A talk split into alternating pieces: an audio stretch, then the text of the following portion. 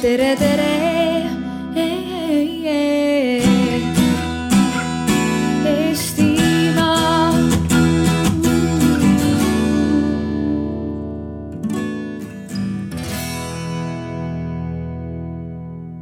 Nüüd me hakkame natuke rääkima metsast kui kaubamajast. esimese hooga võib tunduda ikka pisut kummaline, mis kaubamaja saab olla mets, mis tooteid ja teenuseid seal, mis hinna eest kellele siis õigupoolest pakutakse, kas me peame loodusele hinnasildi külge panema, teame, palju maksab päikeseloojang ja palju maksab äh, äh, ma ei tea, selfie kauni puu taustal aga, aga tõesti, see juturing sellest kõigest lahti läheb ja, ja suur rõõm on äh, siin tervitada siis ka eksperte. Ando Eelmaa, kes on metsaomanik ja Eesti Erametsa juhatuse liige. tere, Ando. tere, tere kõigile. Maie Kiisel on Tartu Ülikooli sotsiaalteadlane. tere, Maie. tere päevast ja Lauri Klein on siis ökosüsteemi teenuste ekspert ja Eestimaa Looduse Fondi projektijuht ja kakskümmend viis aastat tõesti looduskaitse teemadega tegelenud nii Eestis kui ka Euroopas. tere tere, tere kõigile.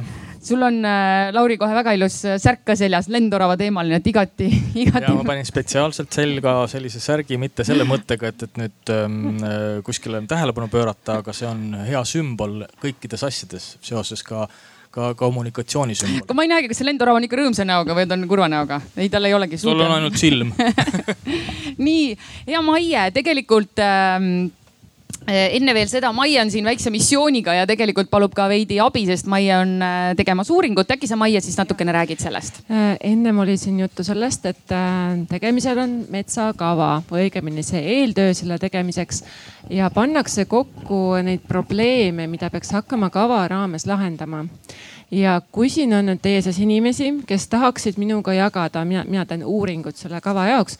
kui tahaksite minuga uuringu jaoks jagada mõnda oma muret või probleemi metsaga seoses, siis äh, pakkude peal on äh, pabereid ja pliiatseid ja te võiksite need äh, sinna lühidalt kirja panna ja siis jätta kas paku peale, ma korjan pärast kokku või toote mulle pärast vestlust et see mure või probleem võiks olla selline, millega te olete ise kokku puutunud, et sellist äh, üldistamist äh, äh, või nii-öelda nagu kahtluste varal kirjutamist ei ole vaja, et pigem just see, et kui te olete ise millegagi kokku puutunud, sest noh, keeruline on hinnata, kas, kas kuulujutt kellegi, ma ei tea, korruptsioonijuhtumist vastab tõele või, või muust sellisest et me oleme teile väga tänulik, mind huvitavad äh, erinevad kogemused, see, kui palju mingit probleemi korratakse, see ei ole oluline, aga et võib-olla just teil on mõni unikaalne lahendamist vajav probleem, mis on. metsandusega praegu, seotud. metsandusega seotud probleem, mis on jäänud äh, praegu siis äh,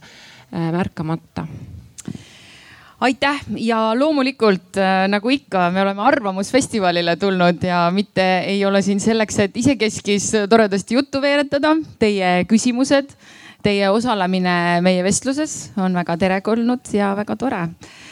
ja aitäh, et te olete asunud siis kuulama, aga hakkame siis tõesti rääkima sellest, kas ja miks eh, peab mets ikkagi olema kaubamaja ja missuguseid eh, loodushüvesid siis eh, mets meile pakub. ma arvan, et võib-olla me peame enne selgeks tegema selle termini Eh, Lauri, et meil on eh, pealkirjastatud meie kokkusaamine ka. Metsakaubamaja valikus on erinevad keskkonnahüved, et mis need siis täpselt nagu on, mis siin silmas peetakse? ja no tegelikult on eh, need looduse hüved, ma nimetaksin looduse hüveks, kuna keskkond on liialt indiviidi keskne.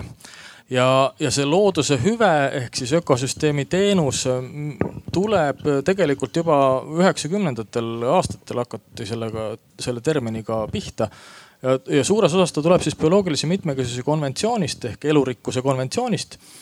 ja, ja selle mõte või miks teda sisse toodud on ja miks teda nüüd nagu järjest äh, aktiivsemalt, millest temast räägitakse, on just see, et inimene oma ähm, äh, majandusmaailmaga järjest rohkem kaugeneb tegelikust äh, loodusest sellest, kus ta, kuhu ta tegelikult kuulub. me ei saa ennast välja lõigata, me parima tahtmisegi juures ökosüsteemist, me oleme kõik ökosüsteemide osad.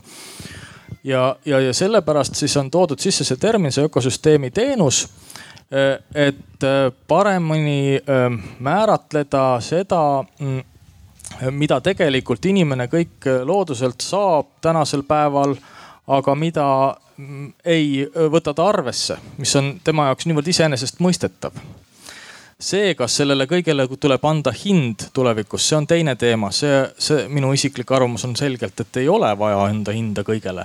on ainult teatud osadele sellele vaja hinda anda aga see, see, see selleks, aga, aga põhimõtteliselt, mis need siis on, need öö, looduse hüved? looduse hüved on, jagatakse nelja gruppi. on öö, kõigepealt kõige teadam ja tuntum meile on näiteks see, mida me metsast saame, on ju puit. see, see kuulub gruppi varustusteenused või varustavad teenused ehk siis ökosüsteem, mets varustab meid teatud öö, teenuste ja kaupadega.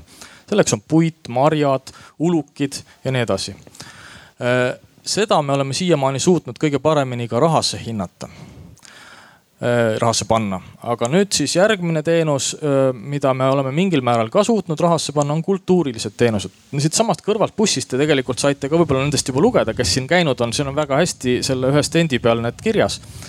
on siis äh, need kultuurilised teenused, mis on siis puhkemajanduslik väärtus metsal.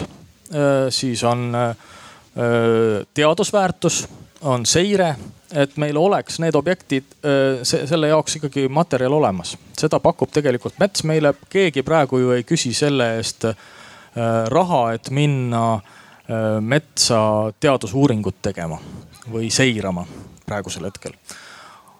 nii, aga nüüd järgmised kaks gruppi on vähe keerulisemad ja, ja nendest on kõige vähem räägitud ma jätan kõige olulisema grupi kõige viimaseks, aga siis on reguleerivad teenused, on sellised teenused eh, ehk siis hüved, mis, mida tegelikult pakuvad ökosüsteemid inimkonnale ja ka mitte ainult inimkonnale, vaid ka kõigile teistele liikidele äh, nagu näiteks õhu puhastamine, eh, vee puhastamine, infiltratsioon läbi metsa pinnase.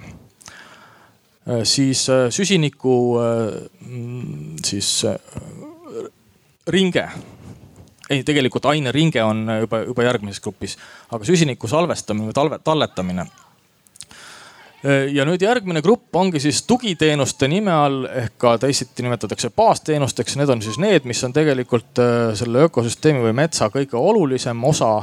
on siis see, et mets pakub elupaiku teistele liikidele peale inimese ka inimesele pakub, pakub elupaiku, sest et on ka neid inimesi, kes sõltuvad täielikult metsast ja elavad ja, ja mets peab olema nende elupaik. siis äh, on äh, selles hulgas ka aineringe, kõik, kõikvõimalikud aineringed, mis mets, mida mets tagab ja nii edasi. nii et põhimõtteliselt ja kui nüüd rääkida nendest samadest äh, väärtustamistest või siis, või siis rahalise väärtusse panemisest, siis tegelikkuses on äh, needsamad tugiteenused ja reguleerivad teenused on, on paljudes, paljudel juhtudel sellised, mida ei olegi võimalik ja ei ole ka mõttekas üleüldse hinnastada, ehk siis rahalist väärtust neile anda. aga selle juurde tuleme võib-olla tagasi. ühe lause tahaks veel lisada sellesama kaubamaja kohta. see kaubamaja ma siia sõites mõtlesin natukene selle peale ja tegelikult on see kaubamaja üks hea termin selles suhtes, et kui võrrelda nüüd äh, tavakaubamaja, siis mis on ühe ärimehe kaubamaja pidamise juures hästi oluline. kui ärimees tahab olla kestlik ja jätkusuutlik, siis ta püüab teha nii, et tema kaubamajas oleks võimalikult palju erinevaid kaupu erinevatele sihtrühmadele ja, ja, ja kõik oleksid rahul, kes tema kaubamajja tulevad. selle kaudu saab ta hinna, hinda ka ülesse kruvida aga hästi oluline on seejuures just see, et, et ta, aga, aga mis on tegelikkus tihtipeale on see, et, et, et kaup, kaupmees valib ainult ühe toote, müüb selle hästi suure kasumiga maha ja siis müüb kaubamaja ka maha. vot sellist situatsiooni me püüaksime nagu vältida miks aga sellest kõigest on praegu, Ando, hästi oluline rääkida, et äh, meil just nagu läheb ju väga hästi, et meil on selline hõreasustus ja kuigi me oleme praegu kiriku selja taga, aga just nagu elame nagu vanajumala selja taga, suuri looduskatastroofe meil siin just nagu ei ole ja, ja loodusele nagu ikka noh, väga suurt kahju ju Eestis ka tehtud ei ole, et, et miks me siis, äh, kas me läheme just nagu tagasi nõukogude aega, kui arvutati välja ka Sõnajala, mis oli majanduslik väärtus või? jah. no võib-olla selline mulje võib jääda, kuid see, see asi on ähm, nagu selles suhtes äh, oluline, et ähm, need ökosüsteemi teenused on meile kõigile äärmiselt olulised meie heaolu jaoks. ja me sageli ei mõista seda, et, et igasugune heaolu, mis tuleb loodusest, toit, peavari ka mitmesugused muud hüved. ja, ja sellepärast see kaubamaja mõiste on nagu ääretult ähm, selline kohane, et, et neid kaupu on tõesti tohutult palju. ja samas, ähm, samas ähm, äh, neid kaupu pakutakse ka teistele olenditele, mitte ainult inimestele, eks ole. et, et, et sellepärast see, see on oluline, aga me oleme eestlastena võib-olla just nimelt ära hellitatud sellepärast, et meil on, eks ole, iga inimese kohta seal umbes neli hektarit maad. ja me oleme kuidagi väga pillavad selles suhtes, mida, kuidas me oma, oma ressursse kasutame. kas jah kas Eestis on üldiselt selline mentaliteet, et äh, ei oota, sa oled, ütlesid, et me oleme väga pillavad, kas see räägib sellest, et kas me oleme, eestlane on ökoloogilise jalajälje poolest maailmas, kas äkki seitsmendal kohal ja, ja meie ees on ja. äkki mingi üks-kaks Euroopa riiki nagu, et millest see märk on, me ikka, me ju ei taha olla nii raiskavad või? me võib-olla ei taha küll. kunas meist raiskajad me, said? me tegelikult oleme, et see, see, et eestlane on äh, metsarahvas ja loodusrahvas on võib-olla üks selline meem tegelikult, kui seda kõrvalt vaadata, kui mõni teine rahvas seda vaatab, siis siis see tegelikult nii ei paista. Minu siin on muidugi üks konks ka, et tegelikult kui me arvutame nüüd keskmise, kui suur hulk maad, eks ole, on meil ühe inimese kohta, siis tegelikult see jaotub väga ebaühtlaselt, seesama maa ja samamoodi on ka, et tegelikkuses ei ole nii, et igalühel on meil neli hektarit maad, eks ole. ja teine asi, mis on, on, on see, et, et seesama jalajälg, kui seda jalajälje tekitajat hakata vaatama, ehk siis kust see jalajälg tegelikult Eestist tuleb, siis ta tuleb ikkagi väiksemate, väikeste ringkondade tegevuse tulemusena. ehk siis suurem osa inimesi ikkagi seda jalajälge ei produtseeri kas Eestis on, Maie, selline mentaliteet, et me hakkame liigutama siis, kui asjad on ikkagi väga halvasti? keskkonna mõttes ka? no näiteks ökosüsteemi teenustest äh, on, on tõesti põhjust rääkida Eestis täna ka üha rohkem selle tõttu, et sellised probleemid on äh, tulnud lauale, mis äh, sobituvad selle kontseptsiooniga. no näiteks, et kui inimesed, kellega ma olen käinud siin Eesti piirkondades ka nüüd rääkimas, noh tõepoolest on kogenud rohkem seda, et nende sellised harjumuspärased kohad on kadunud Äh, see võib juhtuda eri põhjustel, kas see, et, et nüüd see raie on liikunud nendesse kohtadesse, kus inimesed on harjunud käima äh, või on siis, äh, on see mingi vanusestruktuurist tulenev probleem, et seda ma ei tea. Aga need küsimused, mis seal tekkinud on, on just see, et, et kas mul ei ole siis õigus sellele loodusele või sellele harjumuspärastele metsaradadele ja, ja andidele. ja mitmed kodanikualgatused on, on läinud siis sellele probleemile sellist natukene kohmakat lahendust otsima. Äh, nad on pannud rahasid kokku, et hakata ise metsa ära ostma, et seda on nüüd mitmel pool juba kuulda olnud. Äh, ja see läheb täpselt sinna ökosüsteemi teenustesse, et järelikult sellel metsal on mingisugune väärtus. Äh, ja me peame seda ostma-müüma hakkama ja, ja peame suutma ka ära argumenteerida, mis meil seal need metsas on, need väärtused, miks me peame seal näiteks ostma ja siis tekib veel täitsa uus rida küsimusi, täitsa uusi konflikte ja võimalusi, et kui meie nüüd kümne naabriga mingi lapikese ära ostame kellele meie nüüd lubame seal metsas käia, et kas see on ainult nüüd meile või on, on see ikkagi nagu avatud kogu kogukonnale või, või ka Tallinna inimestele, kellele.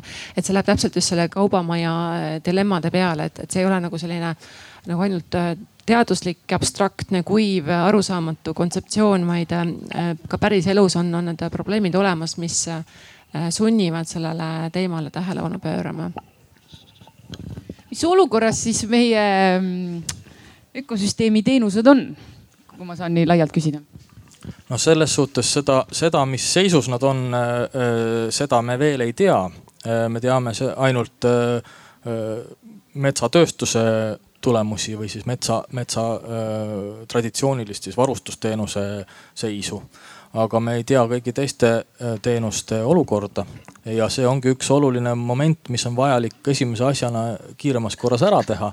ehk siis selgitada välja meie metsade ulatuses, kasvõi praeguse seisuga, mis, mis, mis tegelikult jooksvalt ju noh, paljude teenuste suhtes ikkagi kvaliteet langeb ehk siis, et mis on nende hetkeseis, mis on see potentsiaal, mida, mida meie metsad praegu pakuvad kõikide teenuste jaoks ja kõikide teenuste ulatuses. seda nimetatakse siis niinimetatud äh, ökosüsteemi teenuste kaardistustööks. Ja see kaardistustöö ähm, vajadus ei ole mitte lihtsalt ka meil siin enda välja mõeldud, vaid seda, see tuleneb sellest samast konventsioonist ja läbi Euroopa Liidu bioloogilise mitmekesisuse strateegia, kus on see isegi sees ja kõik Euroopa riigid tegelevad selle kaardistamisega. Eestis see kaardistustöö on ka hetkel pooleli, ehk siis tegelikult äh, äh, kogu Eesti ulatuses kõikide ökosüsteemide lõikes kaardistatakse ära äh, nende teenuste pakkumise potentsiaal ja siis sealt edasi minnakse siis ka nõudluse poole ehk siis, et kus on ja millise teenuse järgi on, on suurem nõudlus ja selle tulemusena peaks tekkima tegelikult äh, see pilt, mis, mis, mis meie loodus põhimõtteliselt, milliseid hüvesid meie loodus meile endale võima-, pakub ja, ja mida me soovime.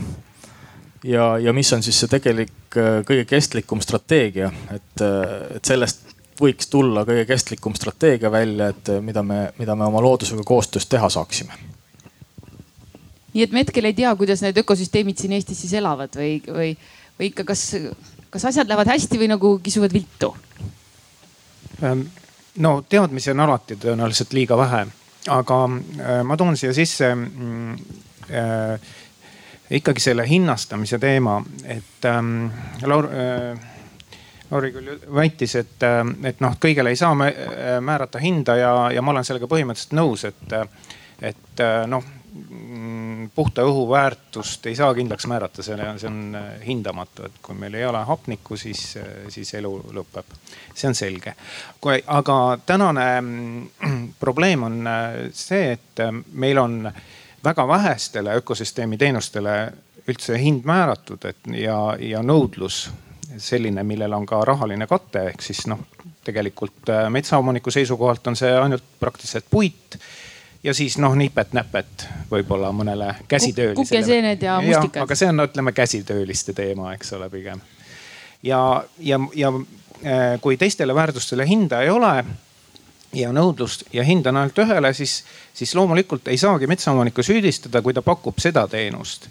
Äh, sest kõiki muid teenuseid saab ta siis sel juhul pakkuda ainult äh, noh, omaenda rahakoti arvel või selle arvel, mida ta siis selle selle teenuse müügist on teeninud, äh, millel hind on.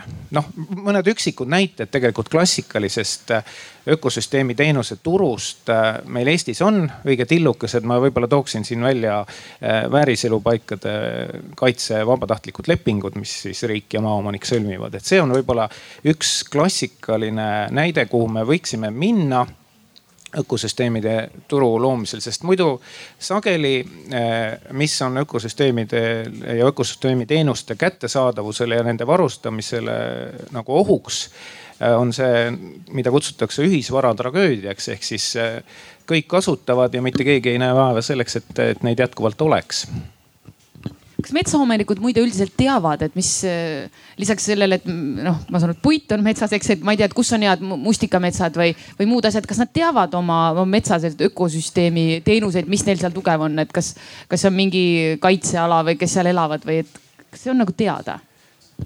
no ei ja ja, et äh, kindlasti oma kodumetsa ju tuntakse, aga noh, meil on ka väga suuri metsaomanikke ja, ja kindlasti need ei tunne igat, igat metsatukka ja samuti ei tunne me neid väärtusi üldse ära, et kui nendele noh kui nendele väärtustele ei ole tähelepanu pööratud, siis me ei tunne neid ära näiteks, too näide palun.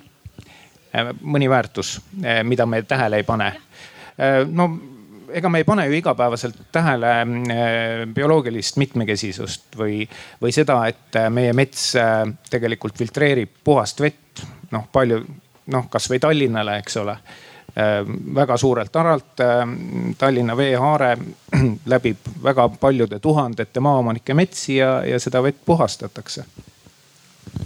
et äh, ma võib-olla lisaks siia, et tegelikult ongi see maaomandi käest kätte liikumise tulemusena tihtipeale tekkinud see olukord, et on kaduma läinud see, kui on, kui on sellised väga pikaajalise traditsiooniga maaomanikud, kes on siis põlisomanikud nii-öelda, siis nemad teavad küll kõike peaaegu, et mis tal, neil seal on. Noh, võib-olla jah, seesama viimased kaks või siis needsamad baasteenused või tugiteenused ja siis reguleerivad teenused, need on natukene sihukene uus teema, aga nad tihti teavad seda ka Äh, tunnetuslikult, äh, võib-olla mitte täpselt, aga tunnetuslikult, sest et nemad on äh, heas mõttes, ütleme, ma mõtlengi neid maaomanikke, kes on heas mõttes siis oma metsaga koostöös. kes nad tegelikult tunnetavad seda, et nad on oma metsaga koostöös aga tänapäevase seisuga, arvestades seda urbaniseerumise taset ja seda, et inimesed kolivad oma maast eemale ja elavad hoopis mujal ja, ja, ja üleüldse kõik see situatsioon. see tegelikult ainult soosib seda, et, et järjest vähem teatakse, mida, mis, mis võimalused äh, nende selle maatüki peal on ja lisaga, lisagan veel seda, et, et seesama äh, tugiteenuste ja reguleerivate teenuste kaardistamise osa ongi selline, mis, mis ei peakski olema tegelikult maaomaniku teema, vaid see peaks tulema tervikpildina üldisemalt.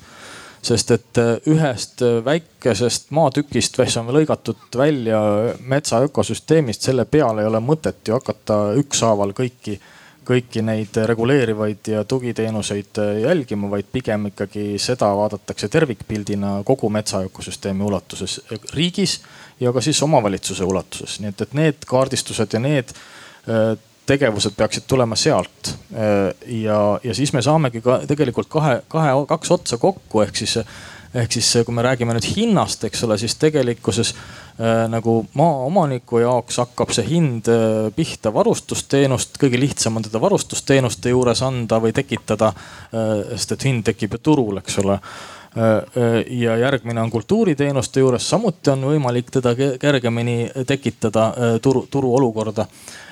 Ja, ja need kaks ongi siis tegelikult need, mis, mis peaksid metsakaubamajas hakkama kõige rohkem nagu rolli mängima. aga enne seda peaks olema teada, kas regulee-, mis seis on reguleerivate ja, ja, ja baasteenustega kogu riigi ulatuses ja omavalitsuste ulatuses, sest et kui seda ei tea ja, ja hakkab tegutsema Äh, turuolukorraga või hakkab, hakkab, hakkame avama nii-öelda kaubamaja ilma seda teadmata, siis piltlikult öeldes võime me tegelikult need kaubamaja osakonnad, kus pakutakse neid kahte teenusegruppi, äh, lihtsalt teisi kaupu täis laduda. ja meil tulemus ongi see, et meil neid teenuseid enam ei ole ja kõik kukub ka kokku kas keegi siin äh, olevatest, ma näen, et siin on ka ikka metsaomanikke ka, tahab äh, rääkida veidikene, kas ta on selle, selle pilguga oma, oma vetsa vaadanud või teab, missugused siis ökosüsteemi teenused veel on lisaks, äh, lisaks puidule seal metsas või mis, mis olukord seal on? kas keegi tahab natuke oma mõtteid sekka öelda? ja palun ja Arpo on mikrofoniga, nii et ta saab teie juurde tulla. ja palun, proua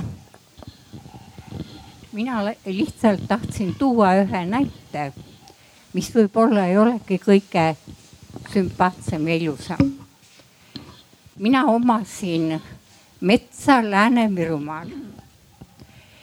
ja ma tahan öelda seda, et võib-olla see lihtinimene, kes omab metsa, tema pole võib-olla isegi nii vaenulik, kui võib-olla ministeeriumi esindajad ma ei hakka siin ministreid välja tooma, nimepidi teate ise kindlasti, kes äh, väga äritses Eesti metsadega isegi looduskaitsealadel, sai ka mingi väikse karistuse hiljem.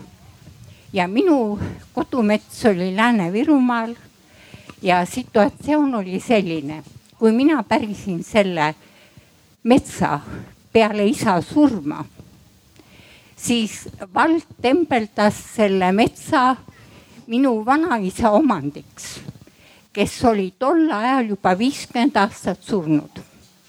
aga mida see mulle tähendas? see tähendas seda, et kui ma põllumaad ja heinamaad hakkasin oma metsale ümber arvestama, siis minu, mina olin vanaisa pärija ja minule ei makstud, tähendab välja mina pidin maksma välja need maa mõõtmised ja kõik need asjaajamised.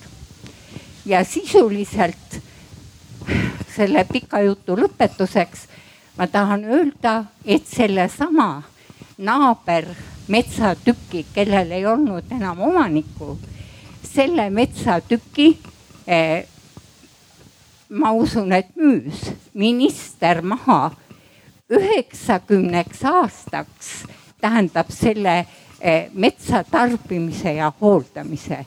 nii et tegelikult oleks meie riigile ikka väga kasulik ja omanikele, kui kõik need väärteod ei algaks mitte ülevalt, vaid võib-olla tõesti meie niisuguse eksimise tulemusena, meie metsaomanike eksimise tulemusena. Aitäh selle arvamuse eest, kas keegi tahab veel arvamust avaldada hetkel? ma võib-olla vahepeal lisan siia selle, et selle, selle jutu tulemusena on väga, oleks väga paslik öelda, ma järjekordselt üks mm, siia sõites üks, üks tõdemus, mis ma kokkuvõttes, ma tegelikult natuke enne siia sõitmist lugesin just Äh, et meil ei ole tegelikult äh, tegemist äh, siin, meie suuremad probleemid ei ole mitte elurikkuse vähendamine ja kliimamuutused ja, ja keskkonnamuutused, vaid meie suurimad probleemid on ahnus, ükskõiksus ja enesekesksus. kui need kolm ja vastutustundetus ka, et kui need neli omadust oleksid kõigil inimestel oma õige koha peal, siis me ei vaevleks üldse mingite selliste probleemide kallal siin praegu. aga me ei saa neid Äh, kahjuks äh, üksikindiviidide kaupa äh, nendega tegeleda ja neid välja juurida ja sellega me peamegi siis arvestama oma planeeringute ja plaanide tegemisel. aga kas on juhum, juhtuseid, kus maaomanikud ei hooli nagu sellistest ökosüsteemidest või, või, või seal võib tekkida sellisel tasandil ka probleeme? et nendel on üks eesmärk, aga tegelikult mets või ökosüsteemid nõuaksid nagu midagi muud. absoluutselt, aga siin ongi tegelikult just see, see ongi see, see noh nagu issanda loomaaed on lai, eks ole, siis on maaomanikke on ka seinast seina, eks ole. ma ennem tõin väga hea näite maaomanikest, just sellistest põlisomanikest, kes suudavad oma ökosüsteemist aru saada. Nende puhul ei oleks absoluutselt vaja ka mingisugust looduskaitset, ütlen välja sest tegelikult nad ise suudavad seda teha ja hoida aga, aga teine pool, teine äärmus on just nimelt äh, uues, uuel ajal tekkinud, tihtipeale uuel ajal tekkinud ähm, ainult ärilisel eesmärgil äh, maaomanikud ehk siis, kes saavad oma maa kätte selleks, et, et see kiirelt rahaks teha ja siis, siis ära müüa uuesti. Või see kõik, mis seal peal kasvab, see kiirelt rahaks teha ja siis, siis see ära müüa, et, et see on nagu teine äärmus tegelikult. Ja kindlasti. Metsaomanikud on ju ka läbilõige ühiskonnast, et on, on väga palju sellist äh, juhuslikku omanikkonda, sest järjepidevus katkestus. Ja, ja ka hiljem on, on äh, igasuguseid asju juhtunud selle äh, Äh, selle omandiga ja, ja omanikud loomulikult ei ole ühtlased, aga mm, äh, Erametsaliit vähemalt püüab endi seas koondada väga teadlikuid ja pühendunud metsaomanikke. ja teeme selle nimel nagu kõvasti tööd, aga sa tulidki äh, just selle teema juurde, millest ka mina tahtsin rääkida, et, et, et ähm, selles valdkonnas on väga oluline metsaomanike poole pealt, aga iga üksiku inimese poole pealt ka see isiklik vastutus, et, et meil on ju igalühel see taak, see ökoloogiline jalajälg, mida, mida me tekitame oma eluga ja oma heaoluga ja sellel ongi mingisugune hind, et sellepärast nagu ökosüsteemi teenuste hinnastamisel on ka selle, see pool oluline ja, ja hea ja kasulik, et me näeksime, mis on meie tegemiste või tegemata jätmiste hind. ja, ja kahjuks ei saa me, suudame keskkonnakaitset või looduskaitset piisavalt rahastada, sest, sest tegelikult ähm, me ei, me ei hüvita selliseid olukordi, kus me keskkonda pöördumatult muudame, noh sageli on seda vaja, aga seda on vältimatult vaja, ei saa vältida äh, noh teede ehitamist, äh, hoonete ehitamist, mis meil vajalikud on. Aga seda ei arvestata, mm, ei kalkuleerita ja, ja seda noh ei asendata ega, ega ei hüvitata. Ja, ja see on probleem tegelikult. noh, ideaalses maailmas ei peaks üldse olema tegelikult looduskaitsealasid vaid eh, loodust saaks ja peaks kaitsma igal pool, siin on ju ka loodus siinsamas meie ümber ja, ja linnas, maal, igaühe kodus, igaühe aias. me võime loobuda muru niitmisest ja teha palju head eh, keskkonnale, eks ole. ma võib-olla ka täiendaksin seda, et need metsaomanikud on erinevad ja kui me hakkame arendama ökosüsteemi teenuseid, siis tekivad uutmoodi konfliktid, aga ka võimalused. Ja Äh, kui me avame äh, mingisuguses valdkonnas turu, siis see toob tavaliselt kaasa äh, nii kauplejate kui tarbijate mitmekesistumise. Ja noh, et kas me oleme valmis arvestama kõikide nende võimalike siis kauplejatega, näiteks inimesed võivad osta metsa samal moel nagu maali ehk siis ostavad lihtsalt endale, aeg-ajalt vaatavad, mõned lahkemad panevad ka väljanäitusele või ostavad kui unikaalset eset nagu mõisa, mille renoveerimine ei ole mingil kujul mõistlik, aga see pakub sellele inimesele võimaluse tegeleda iseendaga ja mõelda neid mõtteid, mis siis mingisugust vana ja äärmiselt kulukat asja hooldades tekivad. Ta võib olla selline nii-öelda ka loodushuviline, eks ole, kelle, kellel on mingisugune arusaam sellest, ähm, mismoodi loodust ta tahab, väga erinevaid looduseid. Äh, ja, ja tahab siis selles metsas jumalat mängida. sinna vahele mahuvad igasugused kährikud, mahuvad need, kes ostavad investeerimise äh, eesmärgil metsa. Äh, eeldades just seda, et loodusressursid muutuvad üha kallimaks ja haruldasemaks. ja sellel hetkel, kui temal seda metsa on vaja realiseerida, on see omandanud tohutu väärtuse. ja sellel omanikul võiks siis just eriti kasulik olla see, kui, äh, kui tema kuulub selle vähese veel alles oleva äh, nii-öelda looduse omanike sekka.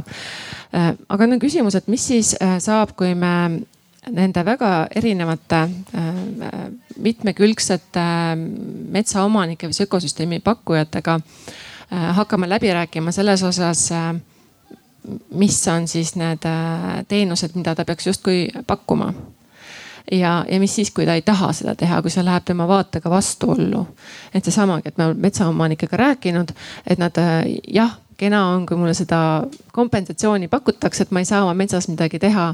aga kui minu pärandmets on just selline, nagu mina mäletan, et mul oli kunagi kallis vanaisa näiteks ja temal oli mets hästi korras ja väga hästi majandatud, eks ole. et ka see pärandmets võib olla selline, mida on omal ajal intensiivselt majandatud ja, ja kui nüüd mult hakatakse midagi muud nõudma, et, et ja pakutakse võimalust, et ähm, aga müü siis see mets maha, me anname sulle mingi teise metsa asemele, siis äh, see, seesama, mis puudutab pärandit või, äh, või kodu, äh, siis ka see on sellele samale majandavale metsaomanikule väga oluline? Ja seda kodu ei, on, on alati väga keeruline panna sellesse hinda, et muuta ka see, see inimese identiteet ja kodutunne kaubaks. et sageli ka selline nii-öelda metsaomaniku äraostmine ei ole üldse mitte hea lahendus ega ta ei ole ja see ei ole ka sageli lihtne, et ähm, aga ähm, kui me räägime äh, ideaalis äh, mitte sunnist, vaid kokkulepetest äh,, siis ähm, inimene ja noh, metsaomanik ka ratsionaalse olendina, siis ta valib ikkagi lõpuks võib-olla kõige ratsionaalsema lahenduse. Aga ütleme, kodu on muidugi selline, seal on ka emotsioon, seal ratsionaalsus alati ei mängi rolli, et, et ma olen toonud siin näiteid sellest, kuidas näiteks mm, lendoravaga seoses äh, inimese kodu äh, äraostmine lendorava kaitseks ei ole hea lahendus. et, et pigem tuleks nagu püüda leida lahendus, kus inimene saab seal edasi elada ja lendoraval ka hästi läheb ja, ja meil üks arvamus publiku seast. aitäh.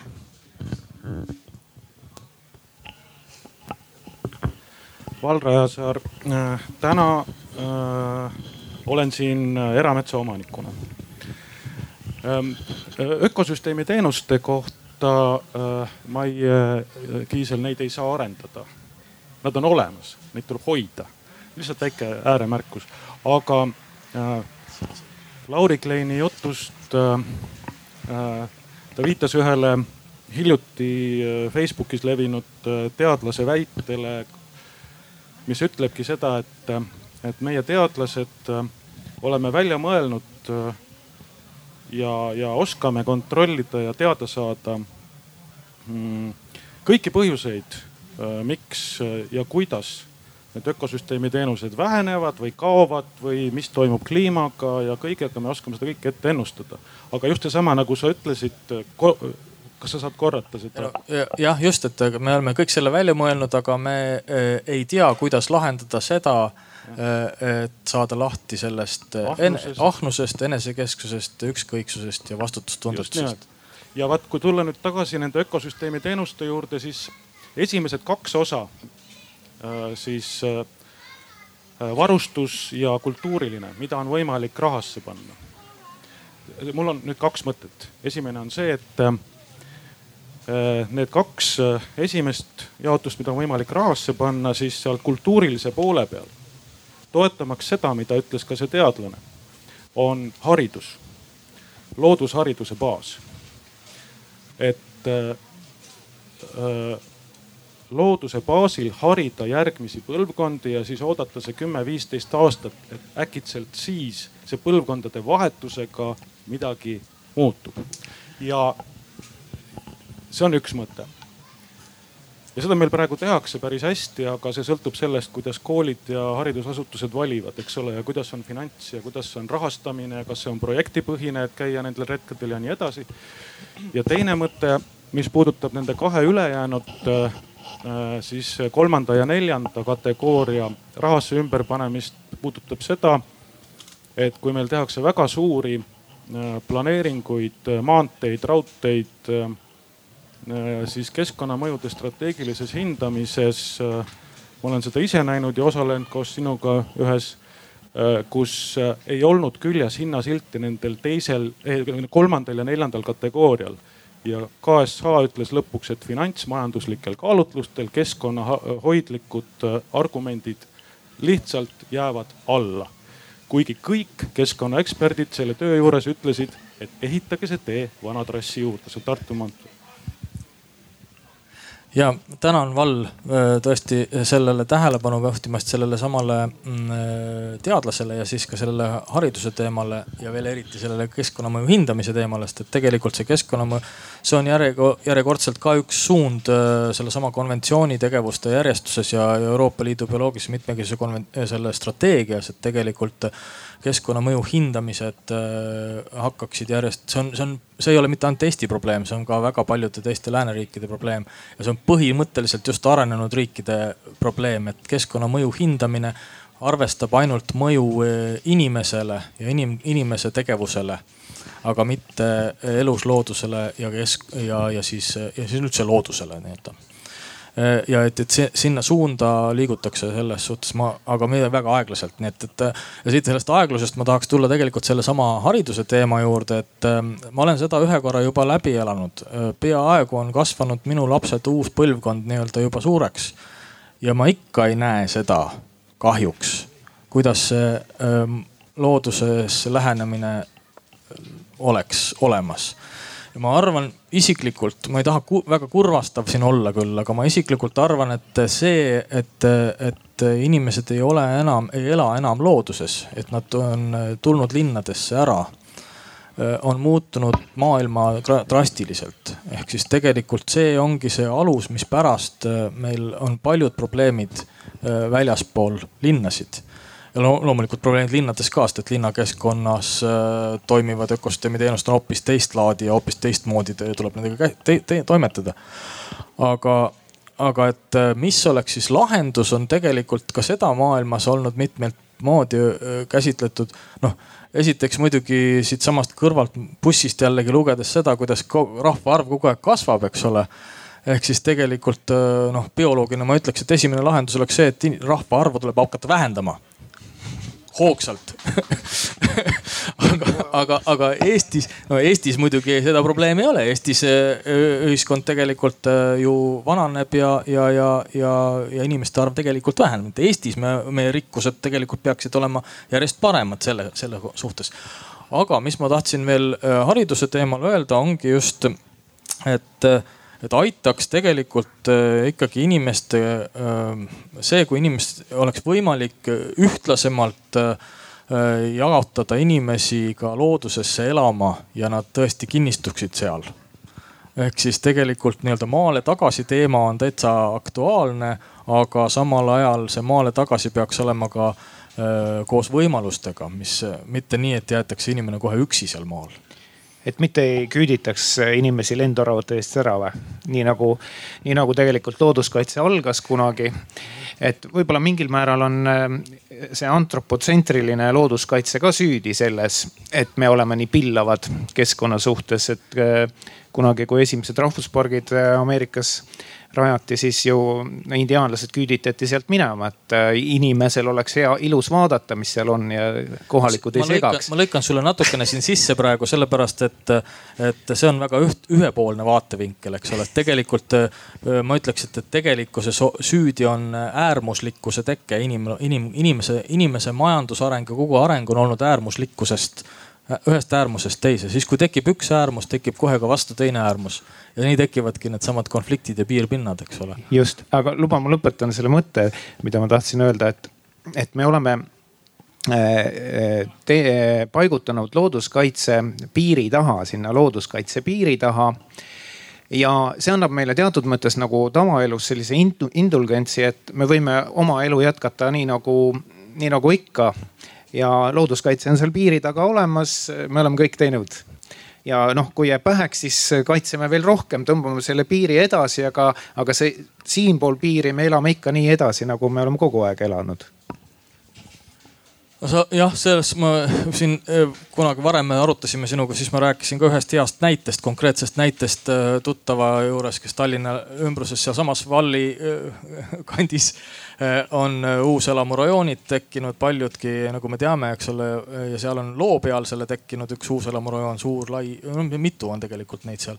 ja kuidas üks maaomanik ei teinud midagi, ainult ehitas maja majatükk ja, ja kõik rohkem ei olnud, kõik muu jäi äh, looduslikuks ja ümberkaudu kõik teised vahetasid pinnase ära ja panid sinna muru.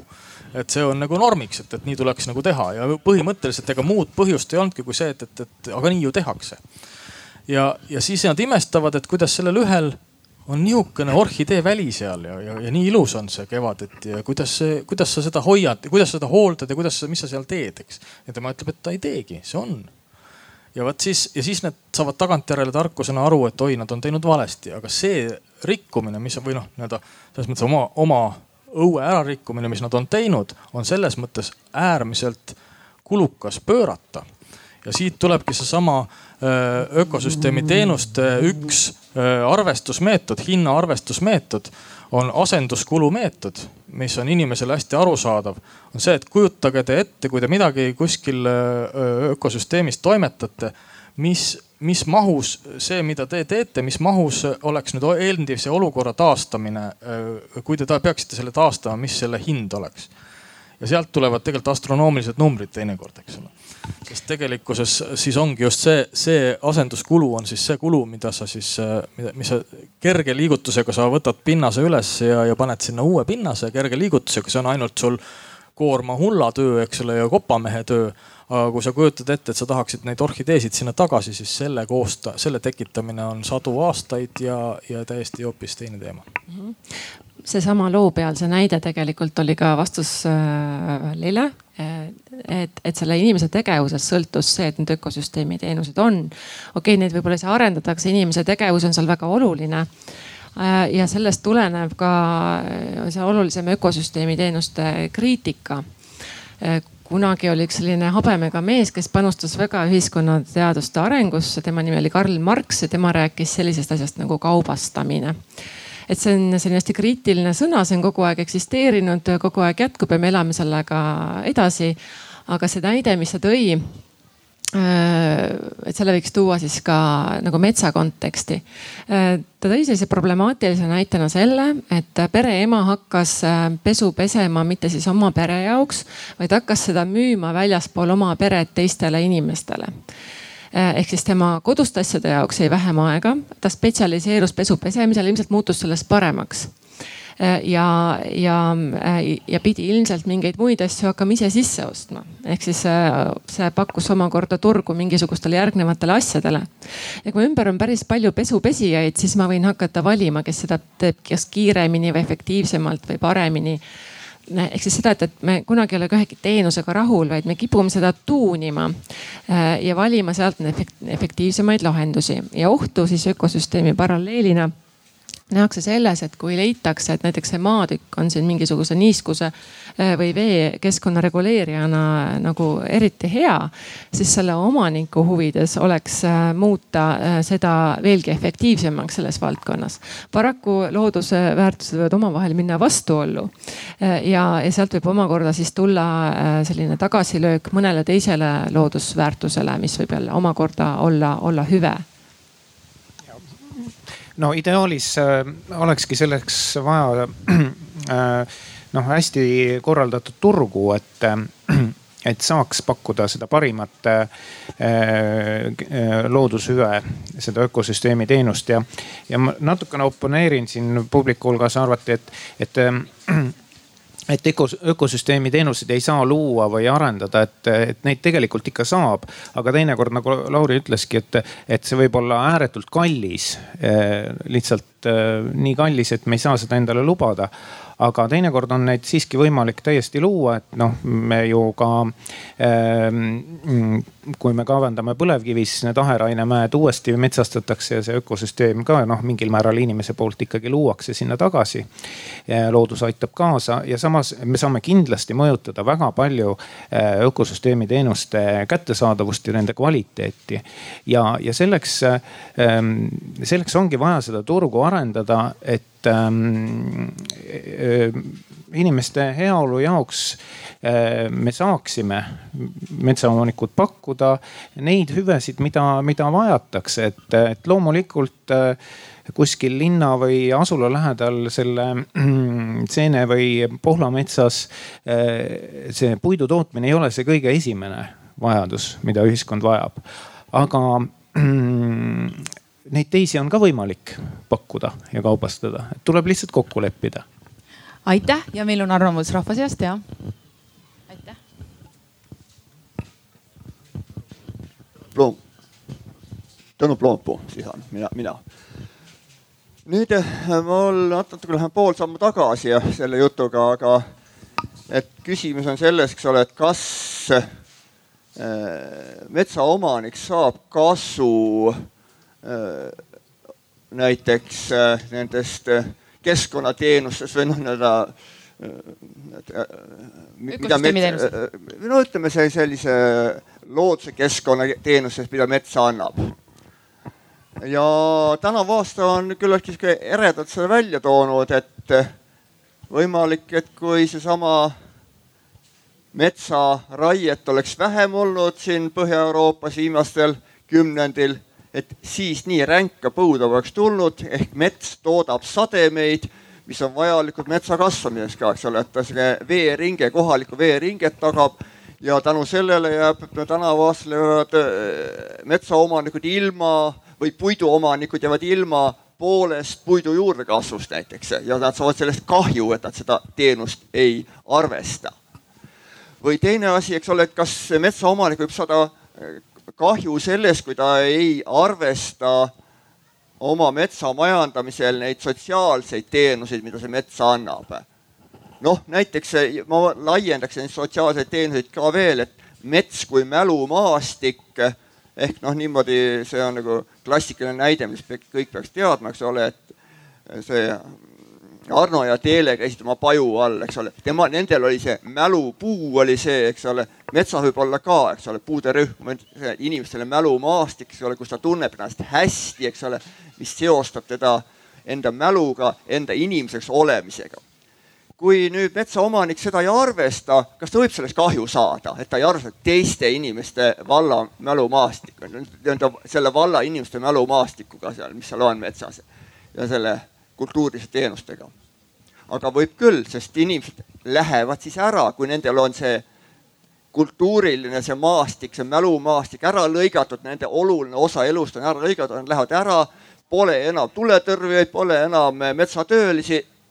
see metsa ülestöötamine läheb kallimaks ja, ja sellised probleemid tekivad. aitäh see on üks äh,, aitäh Tõnu, tõesti, see on üks hästi hea märke, sellepärast et, et see ongi see, mis, mis äh, toetab äh, urbaniseerumist ehk linnast, linnastumist ehk siis tegelikult ju äh, ja, ja see ja mis seda veel, mis on selle promootoriks veel, on tegelikult see, et me ei planeeri enam nii pikalt ette. me elame palju lühemas ajas ja ka oma plaane me ei vaata kaugemale ette. Me teeme seda suhteliselt lühikeselt ja, ja see, selle tulemusena tegelikult ongi see, et, et me püüame ka, miks inimesed kipuvad linnadesse, sellepärast et linnades on äh, ju lihtsam äh, raha teenida. ja, ja saada kergemini oma rikkused kätte kiiremini minu meelest on see ka selline vahva kommentaar selles plaanis, et kui me juba kõiki asju hindame teenusteks, et siis äh, sisuliselt need inimesed, kes mu metsa ümber elavad, võivad mulle pakkuda näiteks mingit turvalisuse teenust, eks ole, et hoiavad silma peal ja mul on noh, inimesed ümber.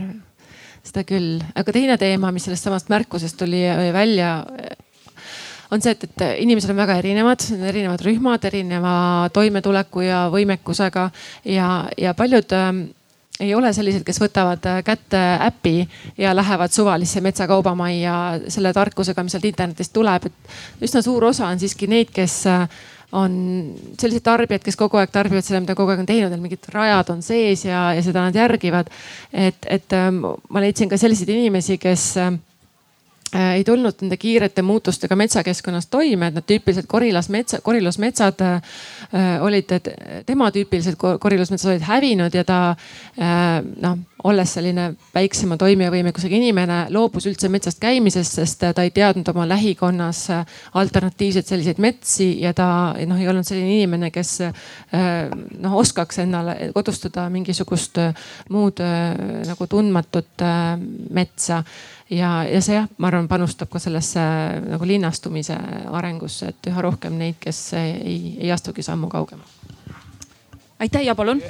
Kui võib, siis ma ka kommenteerin, et, et siin puudutati seda või selliste ökosüsteemi teenuste tasandit, kus ähm, jah, ütleme, see üksik metsaomanik saab ise ka kasu veidi, aga tegelikult need, neid teenuseid noh, toodetakse palju noh, isegi nagu globaalsele ühiskonnale ja, ja need, et neid teenuseid pakutakse, need oleksid kättesaadavad, see nõuab ka palju suurema tasandilist lähenemist, kas lausa globaalset, no üleilmset, eks ole, tegelikult äh, või, äh, või siis noh, vähe lokaalsemat. noh, Eesti oludes äh, kindlasti nüüd suuremate ja tugevamate omavalitsuste roll selles, et kogukondadel oleksid ähm, kättesaadavad need rekreatiivsed metsad asulate lähedal või seene- ja marjametsad on, kujuneb palju-palju suuremaks, et siin tulebki sõlmida nende nende maade omanikega kokkuleppeid ja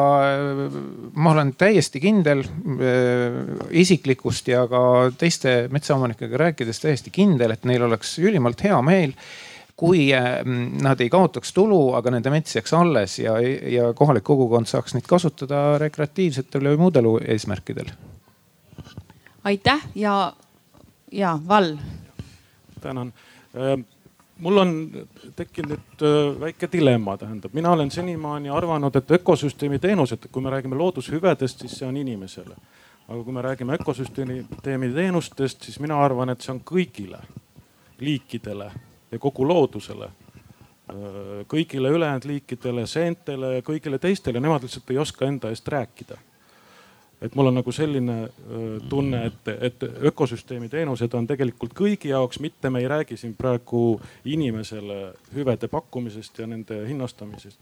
ja teine mõte sellega seoses, et kuidas saaks, nii nagu eelmises debatis professor Ploompuu ütles väga tabavalt, et metsa, metsa majandamine Eh, ei ole mitte eh, tselluloosi eh, majandamine, vaid hoopis midagi muud ja, ja, ja nii edasi, siis tegelikult on varem juba ammu välja öeldud, et Eesti praeguses olukorras ja oma rahvastiku ja, ja, ja maa ja, ja loodusliku keskkonna poolest on tegelikult praegu üleriigiline biosfääri kaitseala, nii nagu toimetab kogu saarestik meil praegu, nagu toimetatakse Matsalu rahvuspargis, et kogu Eesti võiks olla biosfääri kaitseala, kus inimene on looduse osa ja toimetab seal nii, et kõik on rõõmsad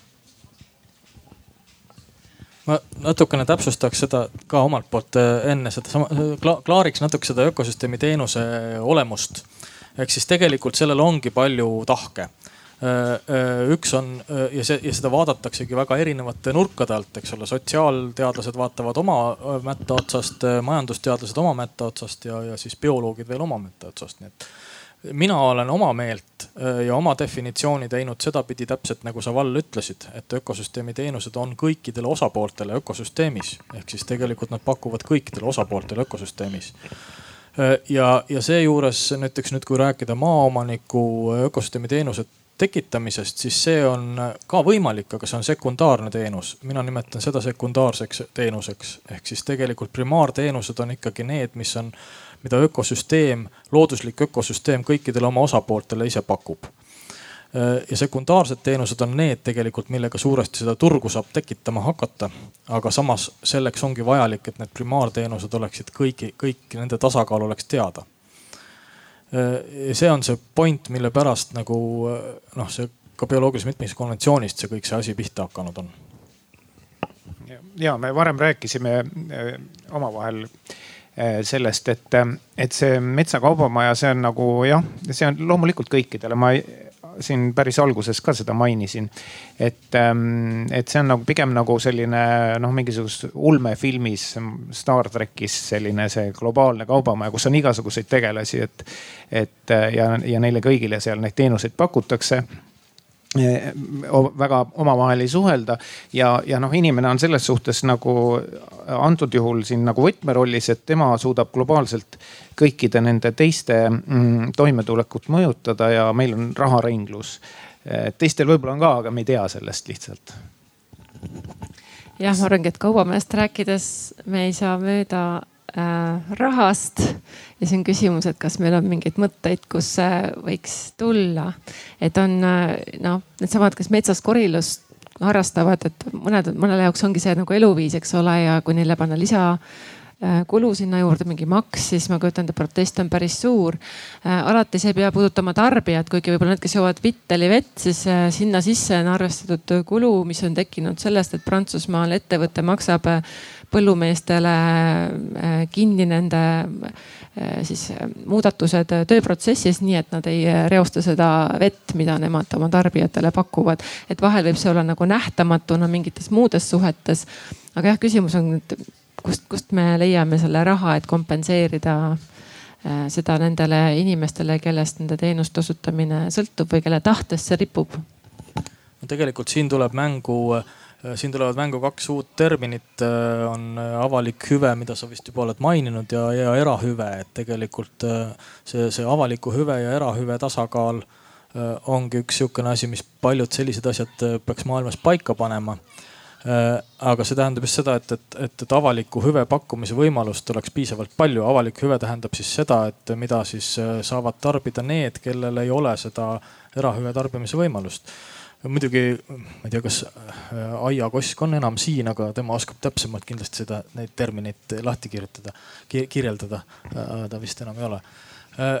igal juhul äh,, igal juhul see äh,, see probleem jääb ikkagi õhku selles suhtes, et, et kui ei ole piisavalt inimestel äh, võimalust käia marjul seenel äh, sellistes riigimetsades, kus nad kõik selle oma teenuse piisavas mahus kätte saavad, äh, siis nad peaksid hakkama, eks ole, ostma seda erahüvena eraomanike käest.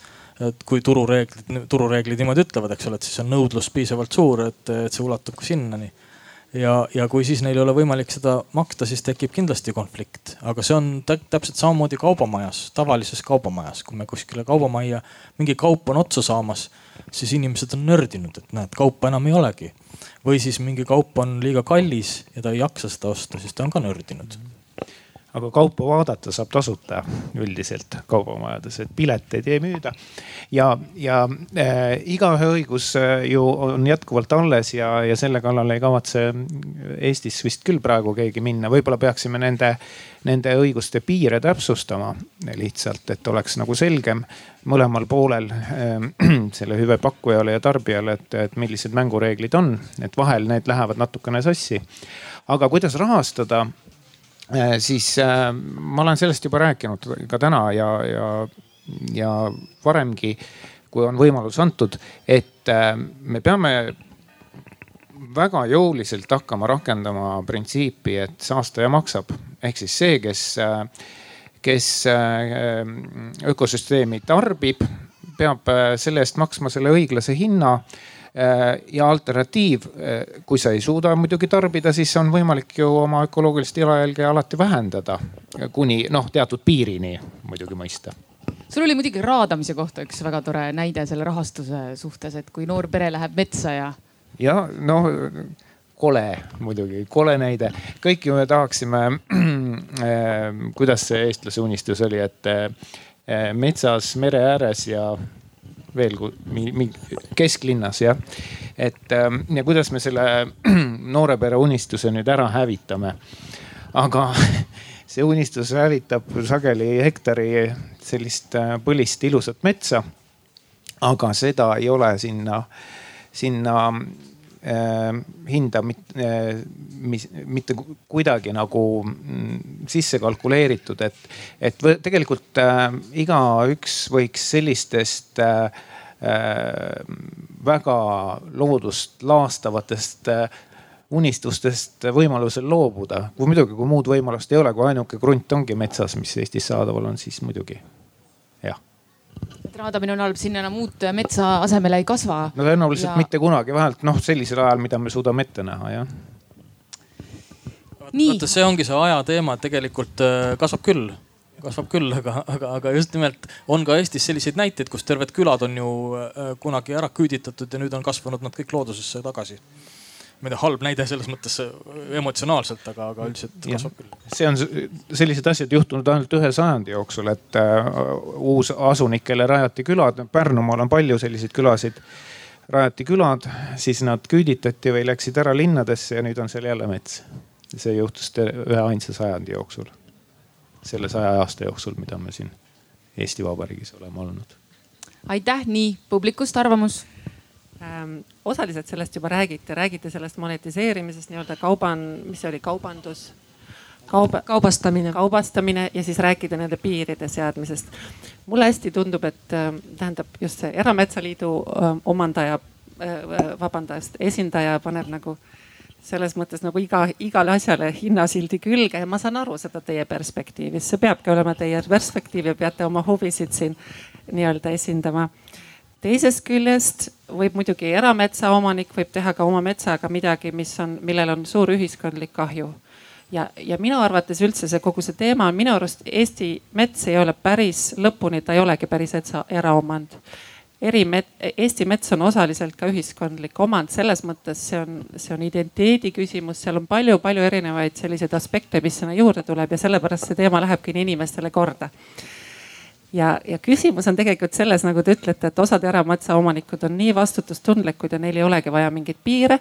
aga siis on jälle teised, kellel on piire vaja ja kes tõesti laastavad, kes ostavad kokku ja laastavad. küsimus on selles ikkagi, et riik peaks ju panema mingid piirid paika piisavalt, ütleme, kuidas öeldakse, mitte liiga tugevad piirid, aga sellised piirid, mis just hoiab ära seda laastamist ja see on tegelikult väga oluline ja teil ei oleks, tohiks ju midagi selle vastu tegelikult olla, kui te olete eesku, eeskujulikud metsa, metsamajandajad nii-öelda või metsahooldajad.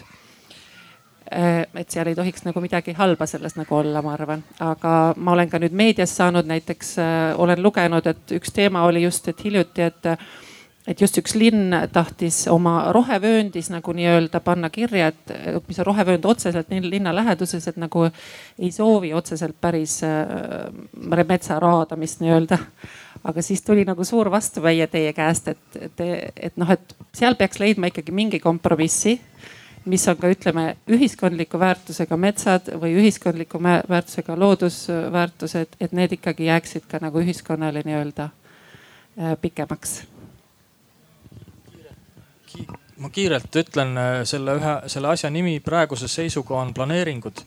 Äh, meil on olemas Eestis rohevõrgustiku planeering tegelikult teemaplaneeringuna ja kohalikud omavalitsused seda peaksid palju rangemalt sellest kinni pidama ja, ja seda palju rangemalt õigusaktina ka käsitlema.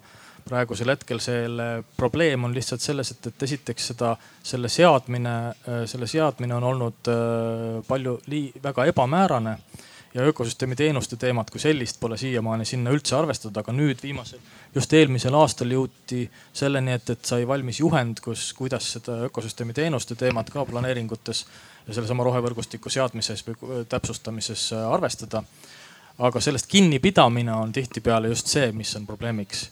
aga põhimõtteliselt jah, mina leian küll isiklikult, et see tase, äh, juriidiline tase või see, see peaks olema seesama rohevõrgustiku planeering aitäh, anda? ma võib-olla natukene kommenteerin, et seda äh, ähm, noh hinnastamist äh, ma olen täna rõhutanud just no meelega loomulikult Äh, sest ähm, minu meelest, kui me räägime mm, loodusest, ökosüsteemi teenustest ja me ei püüa seda panna mm, noh, sellisesse skaalasse, mida me kõik ühtemoodi mõistame, noh eurol on mingisugune väärtus, me saame sellest kõigist ühtemoodi aru. me võime, see võib olla mingi muu noh, kui keegi oskab pakkuda mingisuguse vääringu, äh, millest me kõigist ühte, kõik ühtemoodi aru saame, siis me võime midagi muud kasutada, aga see annab nagu hea äh, sellise võrdluse just nimelt, kui me ka räägime sellest, et, et kuidas me tarbime neid hüvesid et, et siis, kes on tootja, kes on tarbija ja, ja kuidas need bilanss ja see asi kujuneb. Ja loomulikult kui, kui metsaomanik ei majanda oma metsa niimoodi jätkusuutlikult äh, ja säästlikult, siis, siis tema on ka saastaja, eks ole, ta peaks ka maksma, see on täiesti selge. aga üldjuhul summa summarum ma usun, et äh, täna Eesti metsaomanik on ikkagi neto mm, nende hüvede tootja või, või noh, see pakkuja pool aga teine asi nüüd see mm, äh, siin puudutati ühte äh, küsimust, kus ähm, äh, keegi omavalitsus tahtis piirata raieid oma, oma territooriumil või seal lähipiirkonnas, siis see on just see küsimus, et kus tegelikult ma usun, et paljalt omavalitsus mm, noh, teatud grupil öö, oma öö, eraomandi, sest maa, mets siiski selles suhtes on eraomand asjaõigusseaduse kohaselt. kõik, mis on püsivalt maa küljes ehk siis puud ja taimed on juurtega maa küljes, see kuulub selle maa juurde ja see on eraomand, et need, kes lendavad ja liiguvad, need ei ole eraomand et, et selles mõttes puhtjuriidiliselt siiski on ja, ja ei, saa nagu ilma hüvitiseta siiski piiranguid seada, ehk siis see on just see, millest ma enne rääkisin, kus ähm, need osapooled peavad omavahel kokku leppima, et kui on vaja, siis tuleb sõlmida kokkuleppeid ja seda metsa siis äh, säilitada mingisugusteks teiste hüvede jaoks, mitte ainult puidu tootmiseks. kaks sõna hästi kiirelt tegelikult selline kokkulepe on planeeringute näol juba aastaid olemas. planeeringutega eraomanikud lepivad kokku teatud asju ja seal ei ole isegi mingeid hüvesid vaja, vaid lihtsalt planeeringutega omavalitsuse piires lepitaksegi asjad kokku. aitäh ja palun. tere, äh, erametsaomanik olen, äh, aegvidu taga on, kuskil on mul mets äh, ma jäin küll pisut natukene siin hiljaks, ma päris algust ei kuulnud, aga mulle see pealkiri meeldib küll väga hästi ja minu jaoks ongi see nagu selle metsatemaatika põhiteema. et äh, see üks aspekt on looduse aspekt, aga teine aspekt on see omanduse aspekt ja ma näen, et see on pandud siiski siia nagu looduse temaatikasse on see metsateema pandud aga kuna pealkiri on siin kaubamaja, nii edasi, Marx käis juba läbi, eks ole, siin müümine, kaubamaja, kaup. no ahnus siin tuli ka juba teemaks, eks ole. no mina kui omanik siis küsiks, et äh, jah, et tõesti kunagi, kui ma hakkasin seda metsa tagasi taotlema, esivanemate metsa, siis minu äh, lähedased küsisid ka, et ah, mis sa jändad, eks ole ja nii edasi. aga mina ütlesin juba tookord, et aga vaadake, et äh, mets hakkab tootma hapnikku, nii edasi, seda on inimkonnal vaja et mina olen ka siis üks hapnikutootja, no räägime siis sellest puhtast veest, eks ole, mis läbi metsamaa filtreeritakse ja nii edasi, nii edasi. Ja nüüd ongi, me jõudsimegi lõpuks selle võtmeküsimuseni, et tegemist on ikkagi äh, nagu oleks kaubaga tegemist. Kui on kaubamaja, siis peab kaup olema. Ja nüüd on, kui siin eelkõneleja daam ütles, et mets justkui jah kuulub erametsaomanikele, no riigimets on ka, aga noh, näiteks metsaomanikele, aga et mingi osa sellest metsast kuulub nagu meile kõigile. no siis minu küsimus ongi nüüd selles, et, et äh, minult on nagu siis nagu osa sellest metsast ära võetud või millist hinda, kas ma olen siis kaasomanik kelle, kellegagi, et kes see, kes see kaasomanik on? Ja, ja mis ja, ja kuidas siis me saaksime kokkuleppele ja nii edasi. et äh, kuidas ma seda siis nüüd formuleerin, selle küsimuse, et no arutame siis seda hinnaküsimust, et kuidas see puhas vesi siis noh, minule kui ühele kaasomanikule ja teisele poolele siis noh, kes on ühiskond, kompenseeritakse. kuidas linnulaul kompenseeritakse ja nii edasi. küsimus on hinnas. vaat seda ma tahaks kuulda, täname kah. vabandage, et tülitasin teid ja aega raiskasin. ei, aitäh teie arvamuse eest, aitäh kõigepealt kaasomanik olete te sellele, nendele samadele lindudele, kes seal laulavad, esiteks kaasomanik olete te nendele mändidele ja kuuskedele, mis teie maa peal kasvavad. kaasomanik selles mõttes, et kaasa, aga asjaõigusseadus on inimese loodud seadus. okei okay,, see selleks, ma lihtsalt tõin teoreetiliselt praegu, et kaasomaniku tunnetus peaks olema teistsugune, eks ole et peaks olema tunnetus selles ökosüsteemis, kus, mis teil on, esiteks. aga nüüd, kui me läheme äh, kaubamaja ja hinna juurde, siis noh, maamaksu te maksate, eks ole, maamaks on olemas, eks. nii et tegelikult ongi, eks ole, maamaks on üks teema, mis on äh, ka asjaõigusseadus, eks ole, paneb, et inimene omab mingit maatükki, siis maksab selle eest riigile maksu ja see maks peaks kuskile minema millegi eest, eks ole, ta maksab, eks ole. samamoodi igasugused muud maksud äh, ja maksuvähendused ja maksu ja kui on looduskaitsealune maa range kaitse all, siis võetakse maamaks maha tihtipeale, eks ole. Öeldaksegi, et, et see ei ole siis äh, ei maksa maksu, eks ole, ühiskonnale. nii et no ma ei, ma ei vasta teile midagi konkreetset, sellepärast et ma ei ole ise jurist ja ma ei ole ise asjaõigusseaduse tegija. kui aus olla, siis asjaõigusseadus mulle tegelikult üldse ei meeldi. aga see selleks, aga, aga põhimõtteliselt äh, äh, kogu see maksundus on see, millega seda peaks reguleerima sellist asja, kaasa arvatud äh, tulevikus ka ökosüsteemi teenuste ja ühisvara ja erahuvi, era, ühishüvede ja erahüvede tasakaalu peaks reguleerima maksunduse kaudu ehk siis tegelikult maksuvabastuste ja teiste inimeste puhul siis maksu, suurema maksu kaudu. Praegu on olukord üldsegi selline, et meil veel ökosüsteemi teenuseid kui selliseid üldse ju ei arvestata kuskil, eks ole. me ei ole, seda pole veel kuskile sisse, ühtegi juriidikasse sisse arvestatud. nii et selles mõttes me praegu räägimegi ainult teoreetikast ja tuleviku, tulevikust ja plaan, plaanidest või, või, või, või siis arutame siin äh, teoreetiliselt asju hetkel, eks nii ja palun, aitäh. Nii, mul on kiire repliik võib-olla selle maksu, maksu osas või maamaksu osas, et polu, polüfunktsionaalne mets võiks olla madalamalt maksustatud kui monofunktsionaalne. aga, aga äh, tähendab, ma tahtsin natuke sellest hinnast natuke kaugemale minna, eks ole, mis see maksab ja kuidas selle saab kompenseeritud praegune Õhtumaa majandusmudel on kuidagi muutunud äärmiselt primitiivseks, siukseks ühemõõtmeliseks. et, et nagu ühte joont mööda saab minna, eks ole, kui raha on, raha ei ole, selles mõttes sihukesest äh, juhtme sees on raha või juhtme sees ei ole raha. inimene erineb nagu, inimese üks eelis on see, et ta elab hulga mõõtmises ruumis, et esi, puu otsas elanud esivanemad õppisid nii-öelda väga hästi nii-öelda mitme asjaga korraga arvestama. ja nüüd on selle majandusega ka, eks ole, kas majandus on nüüd ainult rahanduse erivorm või on majandus siiski natuke rohkemat? ja kui võtta nüüd sellist majandust natukene laiemalt võtta, eks ole, et äh, siin võib-olla on rahalised suhted küll, aga, aga on palju inimesi, kellega on selline naturaalmajandus, no võib-olla küll kohatu näide, aga vanemate ja laste vahel on nii-öelda naturaalmajandus, kui ütleme, kui on suur pere on, eks ole, veel ka maal, eks ole, siis laps osutab teenust, eks ole, viib ämbrit välja ja muud siuksed asjad ja noh, et see on sihuke naturaalmajandus.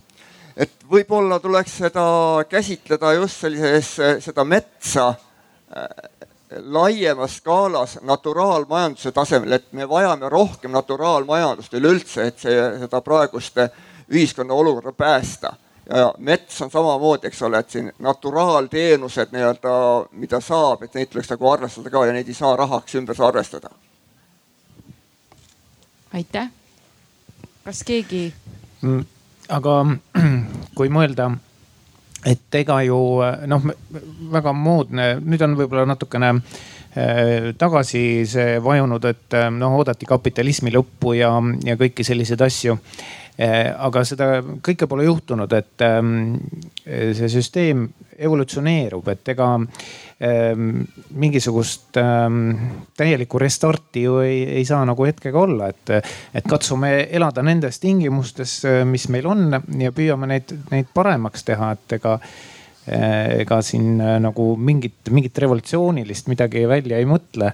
aga samas eh, noh, kas mm, võib, võib tunduda nagu üksikindiviidi tasandil väga tore olla naturaalmajanduses, aga kas see mm, maailma päästab globaalselt? see on küsimus üks naturaalmajanduse näide võiks olla see, et ma tänan teid tõesti südamest osutamast mulle seltskonnateenust täiesti tasuta siin juba teist tundi aga te, tegelikult selle, ma tahaks tulla tagasi selle polüfunktsionaalsuse juurde, ehk siis, et nagu ma alguses mainisin, üks, üks enesest ja oma, oma tulevikust lugupidav ärimees püüab oma kaubamajas hoida võimalikult laia sortimenti kaupu ja võimalikult rahuldada võimalikult laia hulka tarbijaid. et, et tegelikult see spetsialiseerumine, mis meil maailmas on toimunud ja, ja, ja mida see tegelikult seesama noh, mingil määral see, see turuolukord ja kapitalism ja kõik on soosinud väga palju, sest et äh, kõike spetsiaalsemalt ja paremaks ja, ja, ja, ja, ja, ja siis see tegelikult võikski olla nagu minu arust, minu arvates see uue mudeli alus, et äh, multifunktsionaalsus või siis äh, polüfunktsionaalsus ja, ja, ja, ja võimaluste rohkus ühes kohas peaks olema kõrgema väärtusega kui üks kindel spetsialiseerunud teenus ja selle pakkumine ja tootmise mitmekesistamine, see, mis aitab ellu jääda ja loomulikult ja, ja e, sellepärast e, on ka teatud mõttes hea, kui ütleme nende ökosüsteemi teenuste püsimisele ja arenemisele oleks hea, kui nüüd metsaomaniku jaoks olekski noh nendel äh, väärtus, mida ta saab oma bilansis arvestada, kui on nagu ikkagi bilansis bilansiarvestust tegev suisa metsaomanik, et ähm, ta saab oma loodusväärtused ka sinna bilanssi kirja ja tema, tema vara väärtus ju kasvab. ja kui see vara väärtus kasvab, sa kannad oma vara eest palju paremini hoolt, et sa kannad nende loodusväärtuste eest lihtsalt hoolt, isegi kui sa hetkel ei saa neid kaubastada väga lihtne. bilansiarvestus ei pea olema hinnaline muideks, bilansiarvestus võib olla ka täitsa muudes arvudes. just, aga no lihtsalt jälle, eks ole, kasutame ekvivalenti, mida kõik tunnevad, noh. ja, üks arvamus ähm, mina, Mattias, ähm, ma tahaks metsaomanikele nagu kaasa kuidagi siis äh, hüüda või et eh, on olnud neid näiteid ajakirjanduses, kuidas seal Virumaal on eh, üks lendorava metsade omanik sisuliselt nagu pankroti äärele läinud, sellepärast et riik ei osta seda maad talt ära ja majandada ka ei luba.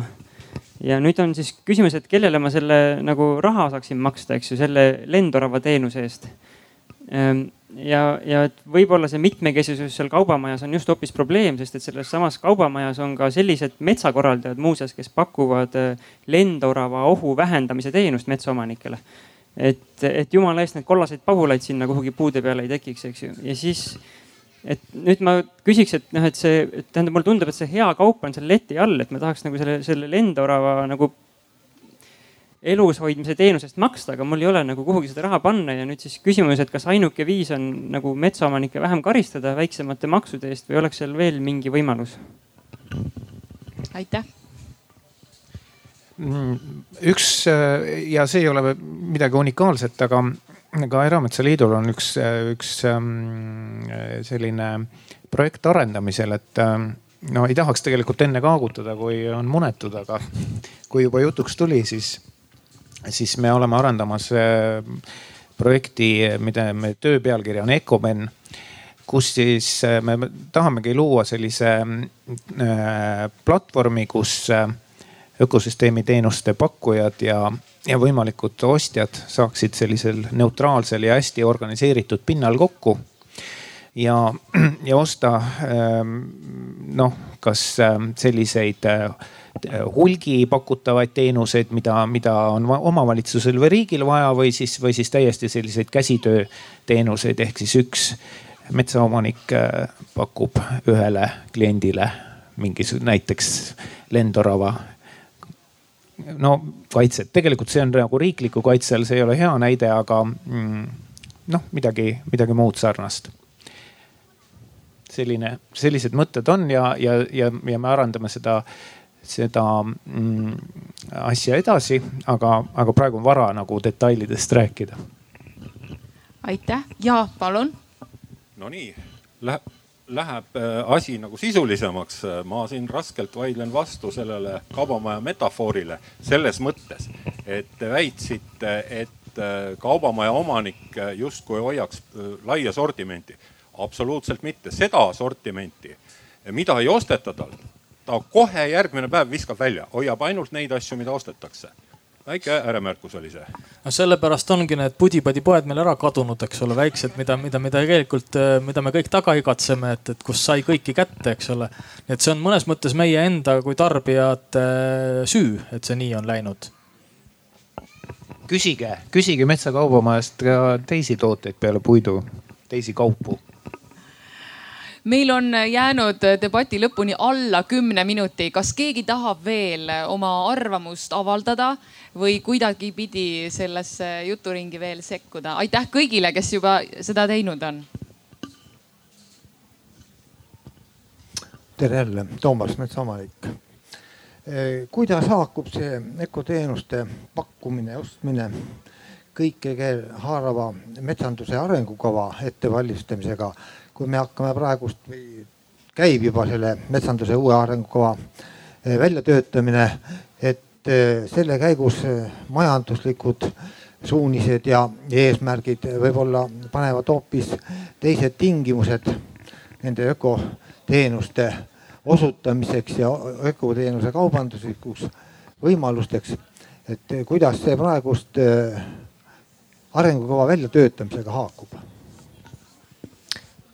praegu on äh, selle arengukava väljatöötamise eelnev faas, ehk siis äh, praegu räägitakse alles selle üle, mis küsimusi peaks selles kavas ära lahendama. ja nende alusuuringute seas on ka jah tehtud nüüd eeltööd ökosüsteemi teenuste äh, nagu noh potentsiaali ärakasutamiseks, aga et, et äh, kas ta nagu lõpuks jõuab mingisuguseks ametlikuks dokumendiks, seda nagu ei tea, et seal võib olla ka ju et see ei ole nagu veatu äh, lahendus ja see vajab äh, mitmet pidi kaalumist, aga sellest saab rääkida, ma arvan, Marku Lamp, kes seal äh, seisab, kui te vajate põhjalikumat vastust. Mina, kes olen ka mingil määral seotud metsanduse arengukavaga või selle ettevalmistamisega, siis mul on siiski lootust, et, et need asjad saavad olema üsna hästi tasakaalus kuna metsanduse arengukava eh, ettevalmistamine jagatudki juba nelja, nelja grupp, eraldi gruppi, mis noh, on kuidagi peaksid ka võrdselt saama käsitletud majandus, ökoloogia, kultuur ja sotsiaal. nii et äh, loodetavasti see tasakaal siis, siis sünnib, mida siin ka eelmises debatis juba räägiti, et ähm, et kõik on rahul ja õnnelikud ja tekib see, see win-win olukord ma arvan, selle aruteluga ei peaks nagu selle ökosüsteemi teenuste mõistega ei pea nagu noh, üle, üle võlli minema, et, et ma siin tänan teid mulle seltskonda pakkumast tasuta teenusena. aga et, et need, need mõistlikud probleemid, mis on üleval, et seesama, et kui maaomanikud on ikkagi väga pikalt rääkinud kompensatsiooni vajadusest või seesama Äh, Virumaa omaniku pankroti näide, et, et no sellised või, või siis see, et, et inimesed ei, ei pääse enam hüvedele ligi.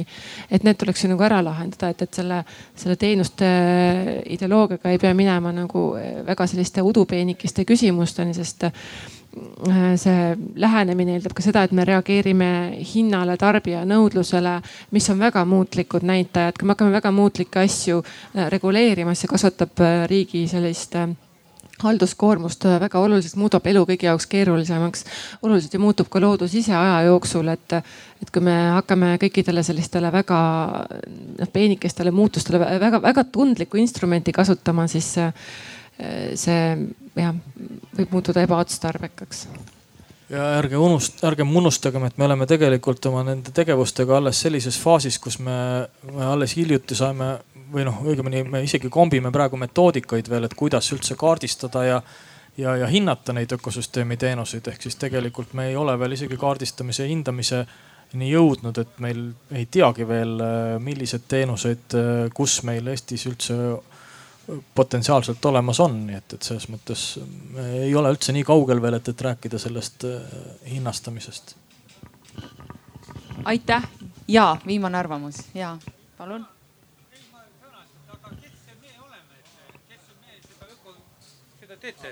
Äh, äh, kui mina ütlesin me praegu, siis tegelikult jah, ma, ma, mina ise enam ei ole seotud otseselt sellega selle aasta algusest, aga eelmise aasta lõpuni ma töötasin Euroopa või see e-, e-, Eesti Keskkonnaagentuuris. ja siis see on siis keskkonnaministeeriumi allasutus.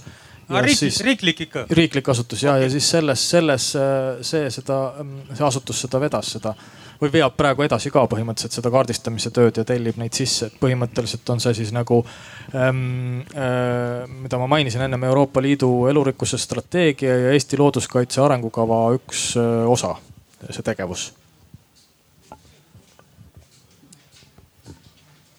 Ülo Venland olen, tahtsin veel öelda lõpuks, et tegelikult naabrid suhelge omavahel ja kes tahab kellegi teenust saada, et võtke ikka otseühendust, et eh, minul noh, ütleme need, kes võtavad otseühendust, nendega saab hästi hakkama saada, aga mõned, kes noh, eriti riigikogu tegelased, kes äh, ütlevad nagu siin Hiiumaal vist oli, et, et minu maja taga ei tohi lageraiet teha, aga oma üldse ei suhtle, vaid mingeid suuri poliitilisi teid hakkab minema, no see on täiesti jabur, et kui sa tahad mingit äh, teenust saada, et sul maja ümber jääks kas mets alles või et ma või mõned omanikud jälle siin Lahemaal on mul just teinud ette, et raiuge see mees, mets eest ära, et ma ei saa päikest.